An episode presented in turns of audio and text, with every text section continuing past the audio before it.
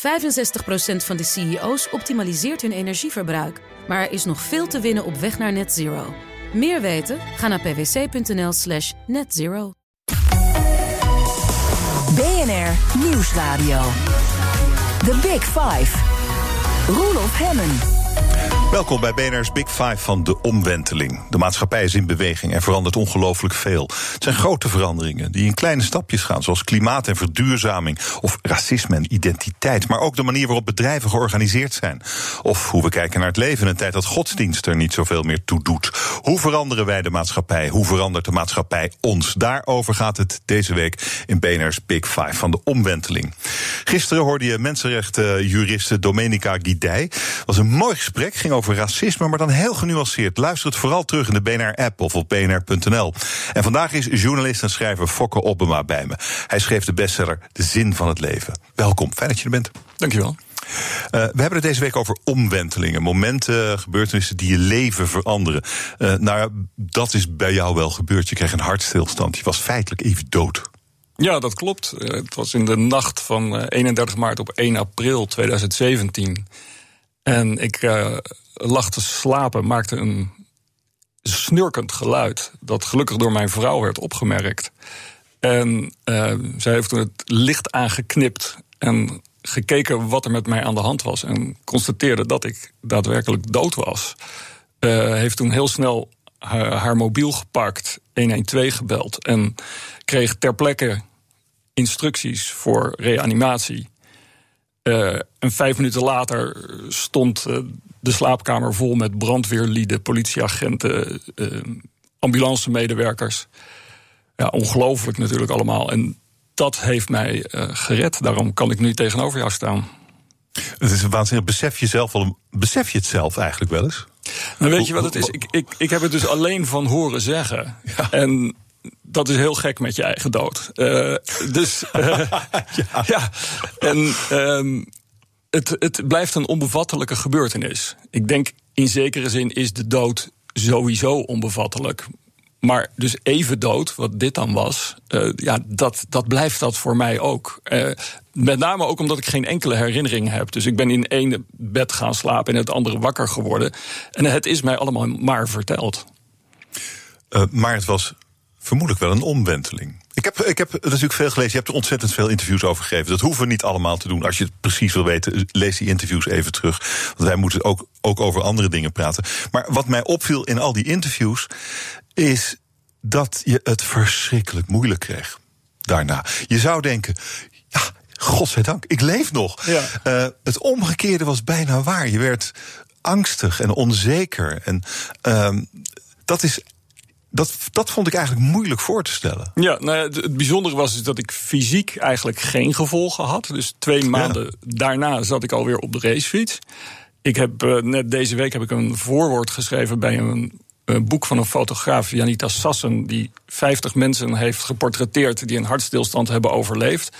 Nou, dan realiseer ik me weer hoeveel geluk ik heb gehad. Want dat gaat heel veel over mensen die waarvan het geheugen is verwoest, die hun mobiliteit zijn kwijtgeraakt. Dus al die fysieke ellende heb ik niet gehad. En, en, en de grootste groep is trouwens de driekwart die het überhaupt niet overleeft. Die kunnen niet hun verhaal vertellen.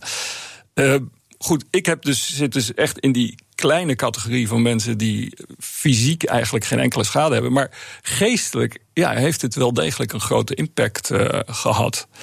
Omdat ik me eigenlijk twee vragen stelde van hoe kon dit gebeuren? Nou, daar heb ik eigenlijk geen goed verhaal op gekregen van, de, de, de, dokter. van de heren doktoren. dus, dus dat, dat schoot niet echt op. En die andere vraag was van ja, wat, wat stelde mijn bestaan dan eigenlijk voor tot nu toe? Uh, ja. En wat stelt het bestaan überhaupt voor? Die vraag. Wat was je antwoord op de eerste vraag? Wat stelde mijn bestaan, bestaan uh, voor? Nou, het was niet dat ik uh, heel ontevreden was over mijn bestaan. Maar ik vroeg me wel af: heb ik dit nou ja, tot nu toe goed aangepakt? Of in heb ik dat, zin? Nou ja, in de zin van uh, heb ik er heb ik het leven ten volle geleefd? Ah. Heb ik, heb ik, uh, ben ik, ben ik helemaal mezelf geworden, ten diepste? Uh, ik denk dat dat ook enigszins een opdracht is die je hmm. jezelf in het leven kunt stellen. Van word wie je zelf bent. En En ga naar je grootste talenten en ontwikkel die. En je antwoord op die vraag was eigenlijk nee. Nou, zo zwart-wit is het niet. Maar ik merkte wel dat, dat deze vraag, die, die existentiële vragen, die moesten door mij worden beantwoord. En het, het bijzondere is, ik was laatst mijn archief aan het opruimen. En toen kwam ik een brief tegen die ik aan mijn hoofdredacteur tien jaar daarvoor had geschreven. En toen had ik hem geschreven van ja, volgens mij heeft de, de Volkskrant een redacteur zingeving nodig. Uh, want we hebben het in de krant de hele tijd over allerlei nieuwsfeiten. En die zijn allemaal ontzettend belangrijk. Maar deze wezenlijke vragen.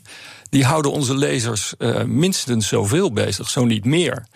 dan die actualiteit. En dat is heel belangrijk dat een krant ook daarvoor een, uh, een podium biedt. Dat was tien jaar geleden. En toen zei de hoofdredacteur: Nou, word eerst maar chef economie. Precies. En toen brak de kredietcrisis uit. nou ja, toen waren we alweer jaren verder. Toen heb ik een China-specialisme gedaan. Nou ja, dus kortom, ik werd enorm afgeleid door allerlei dingen. En nu ben ik dankzij die hartstilstand toch op het spoor gekomen van uh, ja, het beantwoorden van die grote vragen. Uh, ja, wat is de zin van het leven? Dat was je tweede vraag. Daar heb je een, een mooi boek over geschreven. Wat inmiddels vertelde je me net aan de tiende druk toe is. Ja. Dat is prachtig. veel mensen stellen zich natuurlijk die vraag: wat is de zin van het leven?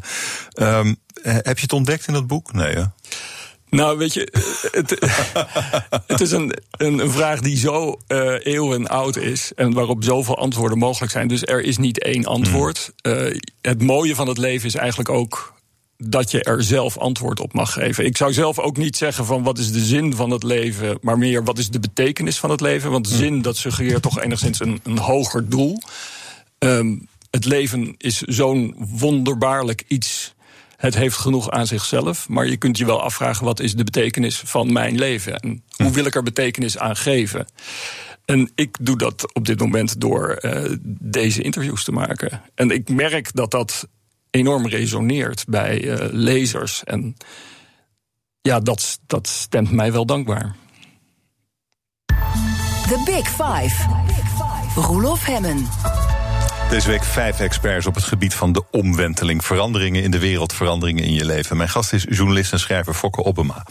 Uh, in jouw boek De Zin van het Leven heb je mensen geïnterviewd uh, over de zin van het leven.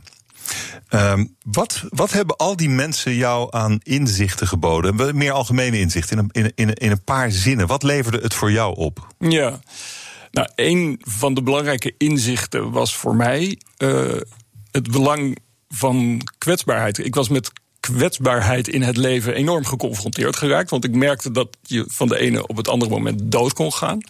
Maar in het algemeen is ons leven kwetsbaar. Er kunnen ziektes zijn, er, kan de dood zijn van naasten. Uh, op allerlei manieren. We merken het nu trouwens heel erg in de coronatijd natuurlijk ook. Dat we gewoon overvallen worden door een virus waarvan we heel weinig weten. En waarvan we ook niet weten of het uh, nog eens een keer uh, krachtig terug gaat keren. Dus het menselijk bestaan is kwetsbaar.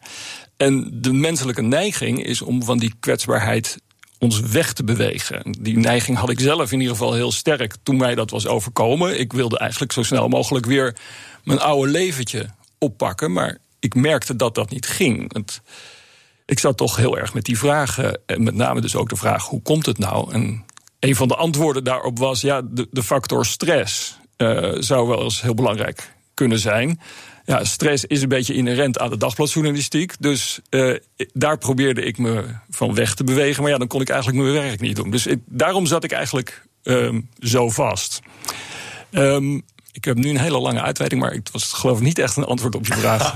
Herhaal die nog Nou, ik was, ik, ik was benieuwd naar uh, wat uh, het je geleerd heeft over de zin van het leven. Al die interviews met, die, met, met die mensen. En toen zei je, en toen kwetsbaarheid. Ja, precies. Kwam precies. En dus, dus die kwetsbaarheid, um, daar zei Klaartje Kruijf, een predikant, van tegen me: van ja, dat is nou juist de essentie van het leven. Wat, wat wij um, willen en waar we naar op zoek zijn, is liefde, de verbinding met anderen.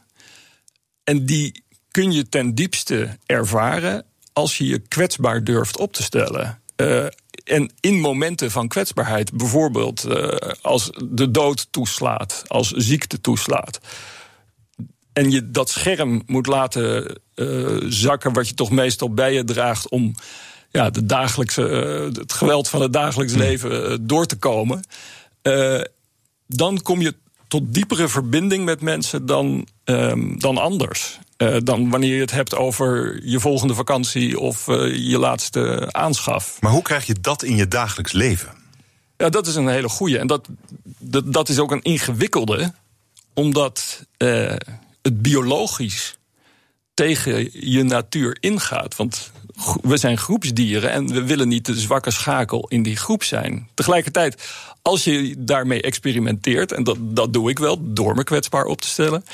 En bijvoorbeeld um, laat ik meer dan voorheen zien dat ik last van stress heb. Ik heb er waarschijnlijk ook meer last, mede door die uh, hartstilstand van dan vroeger. Um, dan, dan merk je dat mensen ook bereid worden om zichzelf opener op te stellen. Dus je gesprekspartners worden ook opener. En dat leidt dus tot die diepere verbinding waar ik het over had. Uh, wat ik bij uitstek heb ervaren toen ik het verhaal over mijn hartstilstand publiceerde. Wat, wat natuurlijk een kwetsbaar verhaal was. Mm. Want ik gaf daarin aan hoeveel last ik van stress had. En ja, daar kreeg ik duizend reacties op. Uh, van mensen die ook heel openhartig tegen, uh, tegen mij werden. Ja, je krijgt wat je geeft, zou je kunnen zeggen. Ja, alleen dus die vraag van jou die is, die is pertinent. Van ja, hoe doe je dat in je leven? Weet je, ja, ja, je kunt er mee experimenteren. Je hebt ook tegelijkertijd nog altijd weer die behoefte om je te beschermen. Uh, en, en je niet kwetsbaar op te stellen. Of te doen alsof je het allemaal in de hand hebt. Maar goed, dus daar, het, het er je bewust van zijn helpt al. Het zijn, het zijn uh, eigenlijk wel de mooie dingen die je probeert te bewaren van iets wat heel naar was. Ja, ja. ik denk als je het hebt dus over ja. omwentelingen in iemands leven, dan is dat ook wat eigenlijk iedereen doet. En in, in mijn boek zitten een aantal voorbeelden van mensen die dat hebben geprobeerd. Uh, die, die hele heftige dingen hebben meegemaakt. Iemand die invalide wordt, iemand die een ernstige ziekte krijgt. Wat, wat mij daarin opvalt, als je dat terugleest, die interviews, dan, dan zie je de hele tijd dat de eerste stap is uh, acceptatie. De acceptatie van dat het leven niet meer is zoals het was, van het verlies van allerlei vaardigheden. En uh, op het moment dat je tot die acceptatie in staat bent, dan ontstaat ook de mogelijkheid om de positieve kanten van die nieuwe situatie te mm. zien. Ja, en, en leidt het ook vaak uh, tot uh, uitingen van dankbaarheid. En zelfs zo vergaand dat mensen dankbaar zijn voor die ziekte, weet je Ja, nou, Henk Blanke is een van ja, de mensen ja, die in je boek geïnterviewd, uh, die je interviewt. Ja. En uh, zijn verhaal is eigenlijk een verschrikkelijk verhaal, want hij heeft uh, Parkinson. Hij, hij, hij takelt af, hij zal, denkt hij zelf, wel dement worden. En die kans is ook heel groot. En daar is hij over gaan schrijven. Ja. En heel bijzonder ook, want hij ontziet zichzelf ook niet um, daarin. Wat, wat neem jij mee van zijn omwenteling? Nou ja, wat ik bij Henk heel bijzonder vind, is de snelheid waarmee hij uh, tot die acceptatie is gekomen. Dus hij vertelde me dat hij op het moment dat hij bij de neuroloog zit en te horen krijgt dat hij een ja, ziekte heeft die nooit meer overgaat en die hem uh, mogelijk ook 50% kans op dementie geeft. Dus het is verschrikkelijk nieuws. Het eerste wat hij denkt was, uh, daar zit een mooi boek in. Ja, ja goed verhaal. Ook een journalist, hè? Ja, ja maar ook, ook uh, schrijver vooral. En eigenlijk, eigenlijk is dat bij hem heel fundamenteel. Hij was altijd journalist, maar uh, hm. wilde eigenlijk schrijver zijn. Hm. En de ziekte, die dus eigenlijk zijn tijd beperkte, gaf hem paradoxaal genoeg meer ruimte om te kunnen schrijven. Want hij kon niet meer mee in die red race van de dagbladjournalistiek. Dus had, was opeens, zoals hij dat zegt, een man zonder haast. En uh, kon een diepgang bereiken in zijn schrijven die hij daarvoor um, nooit bereikte. Uh, uh, we, we hebben nu kwetsbaarheid te pakken, diepgang hebben te pakken. Als begrippen die belangrijk zijn na een omwenteling, althans zoals jij die hebt meegemaakt, zoals jij die beschrijft. diepgang is dus ook belangrijk. Nou ja, het, kijk, het zet aan tot reflectie over waar gaat het nou eigenlijk over in het leven? Tot wat is nou essentieel voor, de, voor mij? Uh, ik, ik had het over dat boek over die hartstilstanden.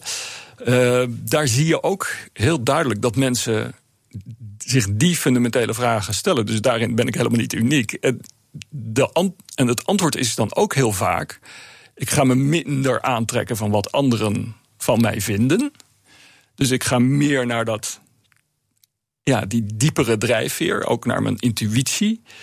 Um, en uh, ik ga ook, ja, toch, nou ja, wat, wat heel veel terugkomt, wat voor mij trouwens ook geldt, is, is de kleine dingen in het bestaan, uh, tussen aanhalingstekens, waarderen.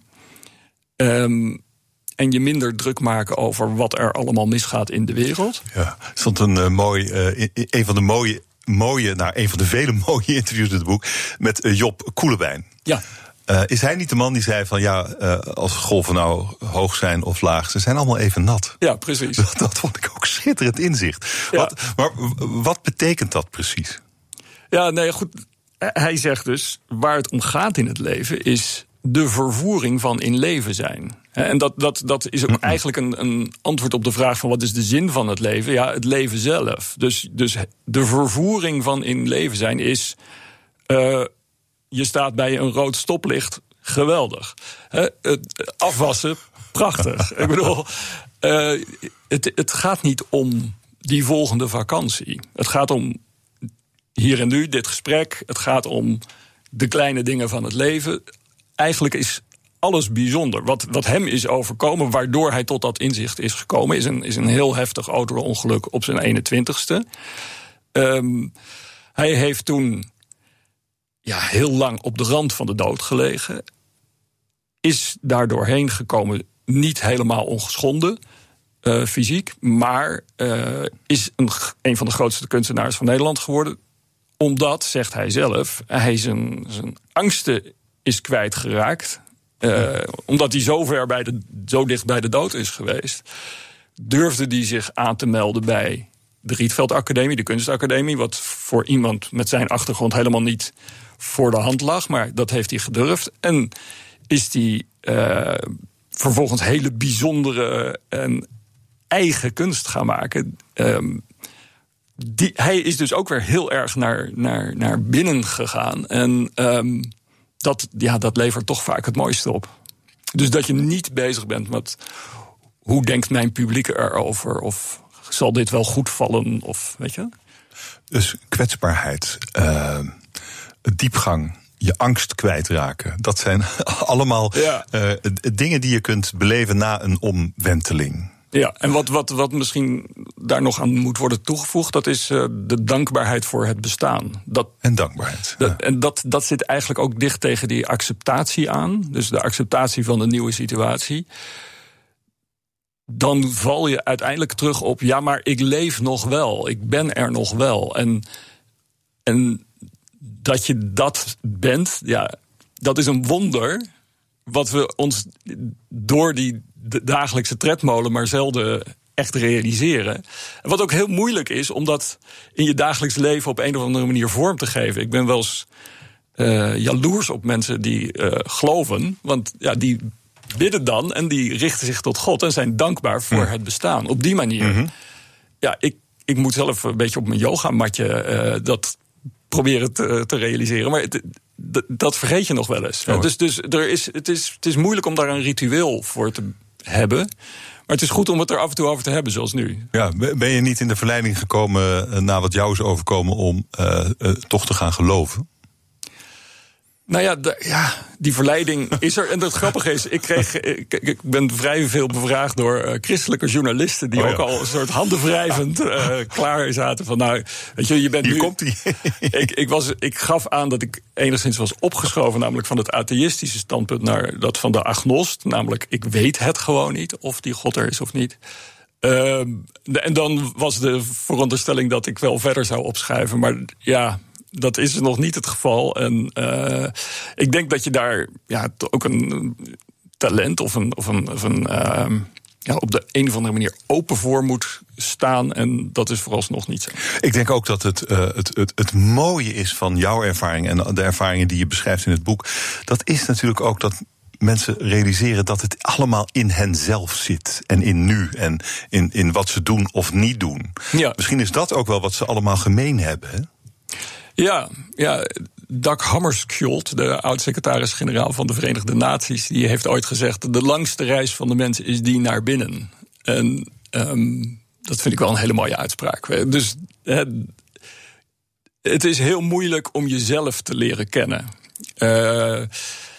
We, we, zitten in een wereld van niet weten. Dat is kenmerkend voor de menselijke conditie.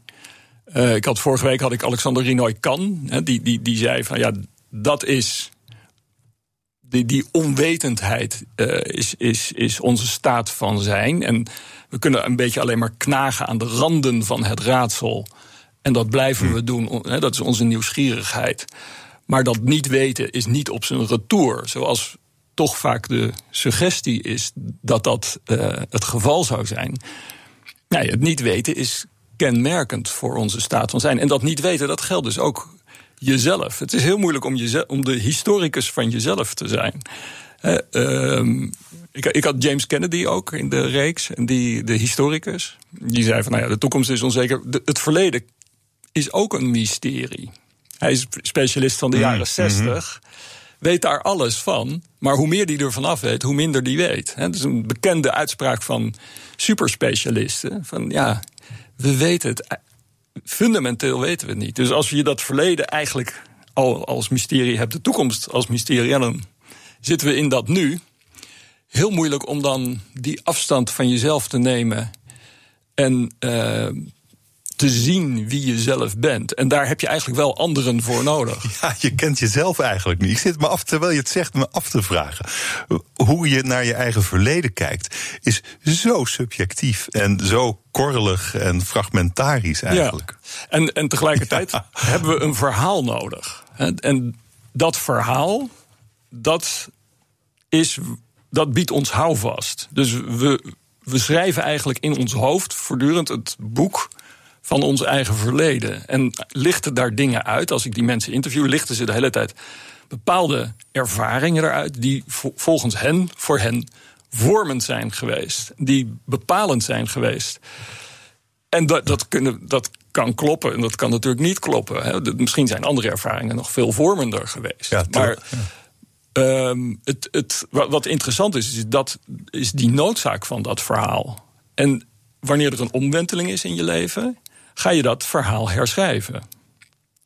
want dan zeg je bijvoorbeeld, la Henk Blanke... ja, ik was wel altijd journalist, maar ik ben eigenlijk schrijver. Of zoals ik, ik was wel bezig met de internationale politiek en economie... maar eigenlijk gaat het mij om de existentiële vraag in het bestaan. Zometeen praat ik verder met mijn gast Fokke Obama over hoe we dachten dat het na corona allemaal anders zou worden. En hoe we nu zien dat er waarschijnlijk niks van terecht komt. We zijn er zo weer.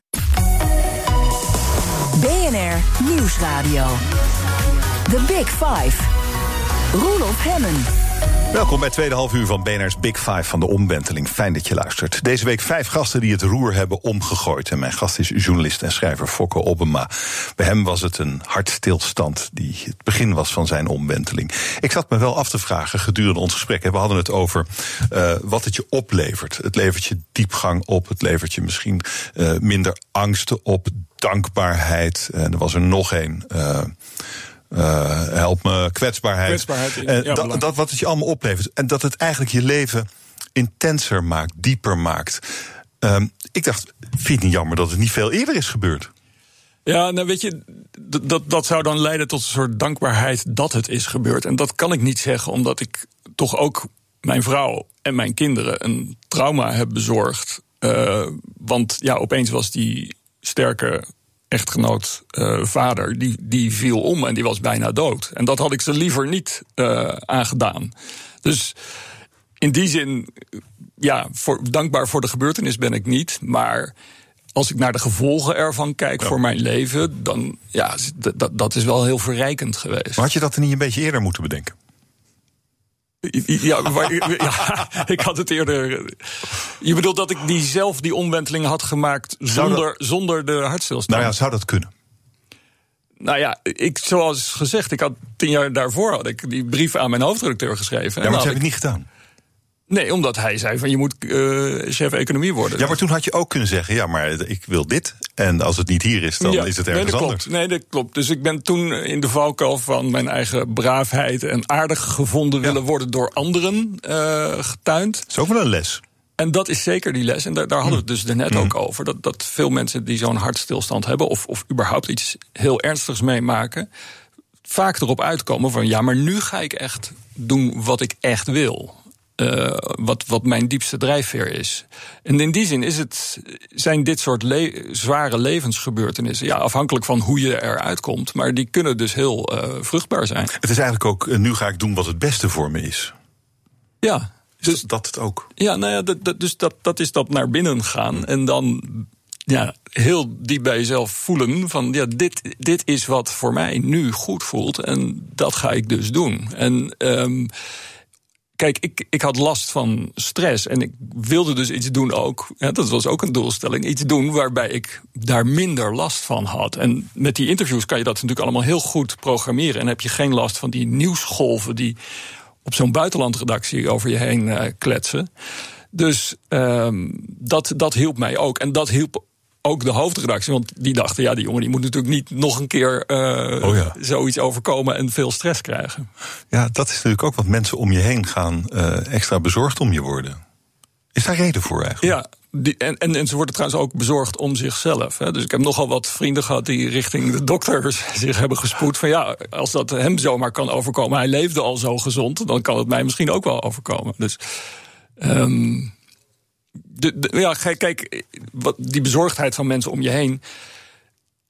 Ik ben natuurlijk gered doordat mensen bezorgd waren om mij heen. Eh, ik heb mijn leven eraan te danken. Eh, dat is uit liefde gebeurd. Hè? Dat is die verbinding met de ander. Die is zo essentieel. En, en die verbinding met de ander. de- ik heb altijd een beetje moeite om het ter sprake te brengen, omdat het klinkt zo cliché, weet je wel. Maar tegelijkertijd is het de essentie. Eh, en als dan veertig mensen dat op, in, in allerlei toonaarden tegen je zeggen dat het daarom gaat dan ga je dat toch ook scherper zien en word je er bewuster van. Eh, en kan je er ook naar gedragen. Is, zou je kunnen zeggen dat door wat jouw vrouw voor jou gedaan heeft, is de, is de, is de liefde daar misschien nog, nog intenser van geworden? Zeker, zeker. En ik denk dat ik ook gewoon me anders ben gaan opstellen. Eh, ik, ik was toch altijd wel op de een of andere manier met het volgende artikel in mijn hoofd bezig. En dat betekent toch dat je er niet helemaal bent op het moment dat je aan de eettafel of ontbijttafel zit en eh, dat gesprek voert. Dus eh, ik, ik ben er meer. En ik geniet denk ik ook meer van ja, wat het leven te bieden heeft. Na jouw persoonlijke omwenteling en je zoektocht in de levens van anderen. Eh, maar we hebben nu corona over ons heen gekregen. Ja, Nou, dat, dat is wel een disruptor. dat is een disruptor. En Een omwenteling, is het dat ook? Ja, dat is een goede vraag. Want we, eigenlijk kom ik dan toch een beetje terug op dat niet weten van ons. Hè, dat dat toch de menselijke conditie is. Net zoals we niet wisten wat corona inhield toen het kwam, weten we ook niet. Eh, wanneer het weggaat. En ehm, daar, dat is heel moeilijk voor ons om te accepteren. Wat we gezien hebben is dat iedereen eh, die beleidsmaker eh, is, zich heel druk heeft gemaakt in een poging om vat te krijgen op, op dit virus en alle consequenties die het heeft. Tegelijkertijd, in het midden daarvan was een groot gat van niet weten wat er aan de hand was. Eh, nu is dus. De, wat je ook kreeg waren allerlei bespiegelingen over hoe eh, fundamenteel ons leven zou gaan veranderen als gevolg van corona. Want ja, dit hadden we sinds de Tweede Wereldoorlog en nou ja, sinds de Spaanse griep hadden we dit niet meegemaakt. Dus het zou allemaal heel anders worden. Inmiddels zitten we in een andere fase en denken we, nou, dat valt wel mee. Eh, de behoefte van iedereen om gewoon lekker op vakantie te gaan en weer over te gaan tot de orde van de dag zit heel diep. De grote vraag is: zi- zitten we ons nu niet ook weer eh, iets op de mouw te spelden? Hè? Net zoals we dat deden een aantal maanden geleden. Toen we zeiden: het leven gaat dramatisch veranderen. Nu zeggen we: het, het, het nieuwe normaal eh, wordt het oude normaal. Ja, ik geloof het niet. Ik denk dat er wel degelijk veranderingen zullen zijn. Alleen zitten we nog te veel in de geschiedenis om met genoeg afstand te kunnen beoordelen wat die veranderingen zullen zijn. En we zullen het gaan ervaren. Alleen dat is een onzekerheid waar de mens in zijn eindeloze behoefte aan houvast eh, maar moeilijk mee kan leven. Ehm, ja, dat, en vind het jammer eigenlijk? Wat? Nou, dat we, uh, dat we hier met een enorme crisis te maken hebben op allerlei gebieden. En dat het enige wat we willen is terug naar hoe het was. Nou ja, kijk, het, het is een beetje zoals ik met die hartstilstand. Ik wilde ook terug naar hoe het was. Maar dat kon dus niet. En ik denk dat we zo, zoiets gaan ervaren. We willen terug naar hoe het was, maar dat kon niet. En we ervaren tegelijkertijd dingen uh, die ja, eigenlijk best wel positief zijn. Bijvoorbeeld een klein dingetje, maar toch niet onbelangrijk, is dat thuiswerken. Weet je wel? Dat hm. zie ik ook echt wel uh, als een, een van de blijvende effecten van deze crisis. Daar zien we echt wel de voordelen van in, in, heel veel opzichten. Ik zag weinig voordelen in uh, op afstand uh, radio maken en uh, in dat teamen en zoomen vond ik eigenlijk ook niks. Wat vond jij er leuk aan? Ik heb er niet aan meegedaan. Dus je deed het al. Ik, ja, ik zat al thuis. mijn gasten stellen elkaar vragen. Uh, via de kettingvraag. In de vorige aflevering was Domenica Guidé hier bij me, mensenrechtenjurist. En ze had deze vraag voor jou. Luister. In het leven word je geconfronteerd met leven en dood. En dan zijn alle futiliteiten waar we het over hebben weg. En dan kom je tot de essentie. En mijn vraag aan hem is: hoe zorgt hij ervoor dat wat hij over de essentie van het leven heeft ontdekt, dat vertaalt in zijn werk bij de Volkskrant? Nou, als je correspondent zin van het leven bent geworden. Ja, dus de, de vertaling in het werk is, is eigenlijk nog het eenvoudigst. Omdat dat zich helemaal concentreert op die hm. existentiële vragen. Dus dat is, dat is nog makkelijk. Alleen het moeilijker, veel moeilijker is het, wat, hoe vertaal je dat in je dagelijks leven buiten je werk om? En dan hebben we het over die noties als, als je, je kwetsbaar tonen, als uh, dankbaar zijn voor het bestaan. Maar ja, goed, dat is een dagelijkse worsteling om dat goed te krijgen. Maar ja, maar hoe. Uh, want blijkbaar is er heel veel belangstelling voor. Jouw boek is ontzettend veel uh, verkocht. Ik, ik denk dat je stukken heel goed gelezen worden als uh, wat je schrijft, de zin van het leven. Ja. En bovendien ben je er nooit over uitgeschreven. Iedereen wil het weten. Dit is, het is eigenlijk een goudmijntje. nou ja, ik, wat ik vooral zie is dat, dat, dat mensen er behoefte aan hebben. Ja, hoe zou dat komen? Is het alleen maar die, die oude, oude, oude vraag? Of zou er meer achter zitten? Nou, ik denk dat we in een tijd leven waarin er uh, weinig houvast is. Als je vergelijkt met de voorgaande generaties, waar ze de kerk hadden, waar ze uh, ideologieën hadden, waar ze in konden geloven. Dat gaf uh, het leven richting. En daar kon je, je, ja, kon je mee verder.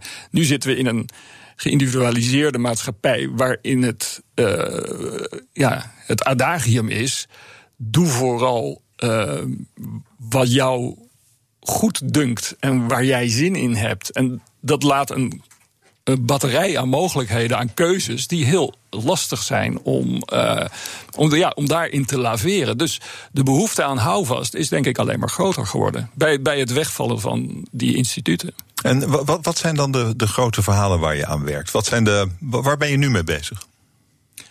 Nou ja, ik, ik, ben nu gewoon bezig met het maken van die interviewreeks mm. uh, over wat is een zinvol leven. Iets, iets mm. minder ambitieus dan wat is de zin van het leven. Een zinvol leven kan iedereen wel iets over uh, bedenken. Uh, tegelijkertijd raakt het ook weer aan al die existentiële vragen. Dus, dus ehm, nou ja, het is ingewikkeld genoeg.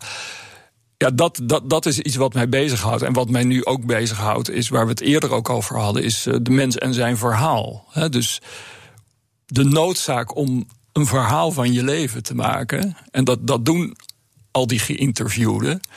Um, dat fascineert me. En welke functie heeft dat verhaal precies? En hoe ver kan je van de, de waarheid af gaan zitten? Uh, nou ja, dat, dat, dat, is, dat vind ik een mooi onderwerp. Daar wil ik nog me langer in verdiepen. Het BNR Nieuwsradio. The Big Five. Roelof Hemmen. Fijn dat je luistert naar BNR's Big Five van de omwenteling. Mijn gast is journalist en schrijver Fokke Oppema. Um, ja, de zin van het leven hebben we het over. Zo heet je boek, al die interviews. Je, je vraagt je nu af, wat is een zinvol leven? Daar schrijf je over. Um, dat die vraag zoveel mensen aanspreekt... Um, betekent dat eigenlijk niet dat we er veel meer aandacht aan zouden moeten besteden? Misschien als land, misschien op school, misschien in, in ons eigen leven. Wat denk je? Wat zouden we anders kunnen doen? Oeh. Ja, de, de, kijk, we hebben natuurlijk uh, instituten gehad, kerken geheten, die uh, natuurlijk heel structureel hier aandacht aan hebben besteed. En dat nog steeds proberen. Maar uh, je, je, ziet, je ziet wel dat, er een, dat het meer resoneert. Neem de School of Life, weet je wel. Dat mm. is, dat is iets mhm. wat, wat is opgekomen. Überhaupt de belangstelling voor filosofie. Uh, je hebt nu, nu een drietal psychiaters. Uh, Denise, uh, Verhagen. De Wachter. De Wachter. Dankjewel. Uh, die uh, alle drie zeg maar, de, de zingeving in de psychiatrie uh, als thema hebben geagendeerd. Trekken volle zalen. Dus ehm, het heeft ongetwijfeld ook, wat, wat, wat helpt, is de vergrijzing. Naarmate je ouder wordt, uh, jij gaat zelf nu een podcast maken voor 57 mm -hmm. uh, jaar en ouder. Of over het thema van 57 nou, Dat gaat eigenlijk over hoe geef je de rest van je leven zin als je 57 okay, bent. Want precies. wat er dan voor ja. je ligt is toch ja. korter dan wat er achter je ligt. En ik vind dus kostbaar. Daar moet je goed over nadenken. Daar gaat hij over. Ja, maar het, het gaat dus niet over mensen van 37 en die het allemaal nog voor zich hebben. Weet je wel? Dus het is wel 57 en toch een beetje terugblikken en vooruitblikken.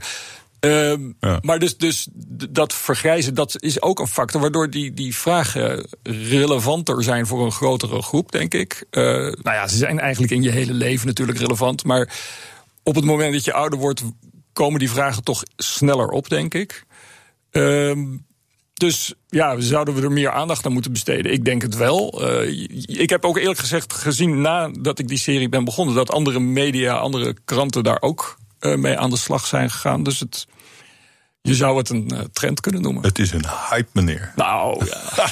nou ja, nee, het is geen hype. Maar wat ik eigenlijk, zo, wat ik eigenlijk zocht met mijn vraag is: zouden, uh, zou ons land er niet beter van worden als we daar wat vaker over zouden nadenken? Zouden we daar dan dus niet wat meer aandacht aan moeten besteden? Misschien gewoon wel al op school.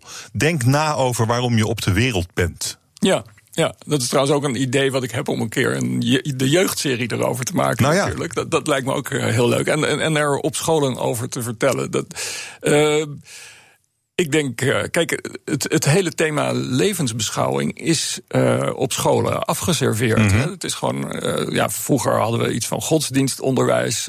ja, dat is natuurlijk wel echt beperkt. Maar gewoon nadenken over of, of, of het erover hebben van wat is, stelt dat bestaan nu eigenlijk voor. Ik denk juist kinderen kunnen daar hele uh, eigen, verrassende en uh, mooie observaties over hebben. En hele ware observaties. Um, dus ik zou dat vak, uh, zou ik, zo'n ja. soort vak zou ik eigenlijk wel erg voor zijn als mijn kinderen dat hadden gehad. Zou toch waardevol zijn? Ik bedoel, nu, nu zijn het oude mensen die zich ermee bezighouden. ja, nou ja, even, even grof gezegd wel. Als ik ja. kijk naar het publiek, wat in mij. Als, ik, ik treed nog wel eens op in het land om te vertellen over mijn boek. En dan zie ik over het algemeen een wat, wat grijzer ja. publiek. Ja. Nou, misschien is het goed om dat een beetje te veranderen. Misschien moet ik een podcast 27 beginnen ook. Misschien moet mijn zoon dat doen. Hij is 28. Ik had, ik, ik had, ook het interview met uh, Kim Putters, de baas van het uh, Sociaal Cultureel Planbureau. En die suggereerde om een keer een kamerdebat over de dood te hebben. En dat vond ik ook wel een hele Originele gedachte. en wat zou hij daarmee willen bereiken dan? Nou ja, dat, dat, dat uh, bijvoorbeeld um, het, uh, de overspannen verwachtingen die de burger heeft van uh, de overheid, dat die in het licht van onze sterfelijkheid wat getemperd zouden kunnen worden. Dus dat je daar een, een, een soort ja, de cabaretier Tim Fransen uh, die, die uh, komt ook voor in mijn boek. En hij is vooral filosoof. Uh, hij zegt, ja, wij zijn allemaal broeders in de dood. dus um, zie elkaar zo. Hè. We, ja, we zijn nu eenmaal met die sterfelijkheid behept. dat zou een opstap kunnen zijn naar iets van meer solidariteit. meer begrip voor elkaar. De scherpe kantjes van het maatschappelijke debat af. Ja. Nou, in die, in die richting denk ik dat je zo'n Kamerdebat zou kunnen zoeken.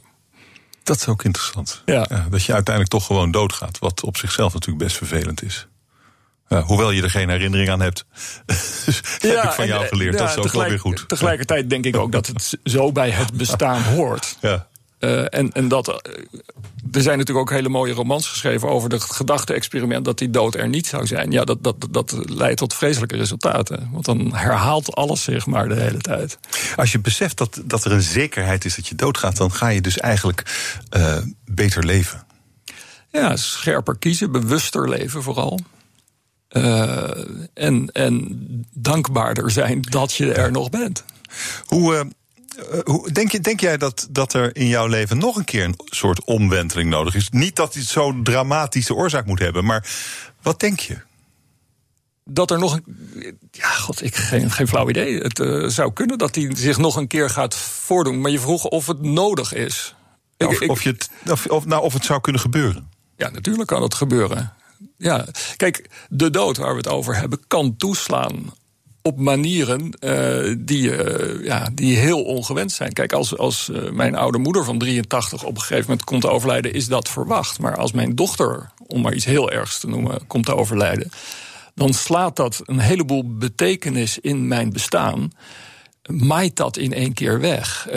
Brechtje Hofstede, de schrijfster, die, die zei van ja, wij zijn de hele tijd bezig om een web van betekenissen in ons leven te spinnen, als een spin. Uh, maar ehm, de dood kan in één keer heel veel betekenis wegmaaien. En dan, wat je dan moet doen, is dus weer dat verhaal waar we het eerder over hmm. hadden.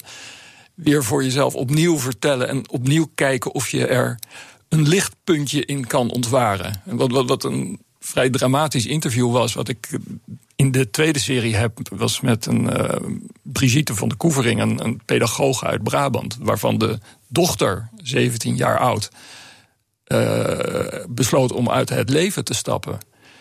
Nou ja, veel dramatischer kan het niet worden in het leven, weet je. En hoe ga je daarmee om? En bij haar is het toch een verhaal van, ja, betekenis daaraan geven door je te beseffen dat de liefde die je hebt met je zoon en met je man zich na die gebeurtenis heeft verdiept. Uh, dat geeft zin aan wat verder een verschrikkelijke gebeurtenis is. Um, op die manier is de mens eigenlijk voortdurend bezig om telkens toch weer de silver lining, het, het lichtpuntje in zijn uh, bestaan te ontdekken. En dat vond ik dus ook het mooie van dat boek over die hartstilstanden. Dan zie je de hele tijd mensen daarmee uh, worstelen. En maken ze de ergste dingen ermee. Maar zeggen ze maar, ik kan toch nog dit. of ik kan toch nog dat. Dat is mooi. En, en ja. Dat, ja, dat is zo bijzonder aan, aan, aan ons. Aan die, ja. die veerkracht. Dat is echt wel heel indrukwekkend. Het is jouw beurt om een uh, kettingvraag uh, te stellen. Uh, mijn volgende gast is Geert Stevens. Hij is kringlooplandbouwer. En ik ben benieuwd naar jouw vraag aan hem. Ja, ik ben heel benieuwd of hij denkt dat het nieuwe normaal vooral zal lijken op het oude normaal. En waarom hij dat denkt. Of waarom hij dat niet denkt. En dan toegespitst op uh, de landbouwsector. Ja, uiteraard, want daar weet hij wat van. Ja, dus. Dat is een uh, mooie vraag. Ik ga hem stellen morgen. Dankjewel voor dit gesprek, Fokke Oppema. Dank je zeer.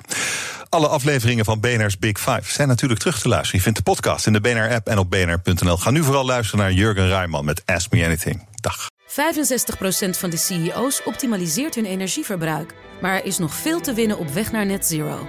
Meer weten? Ga naar pwc.nl slash netzero.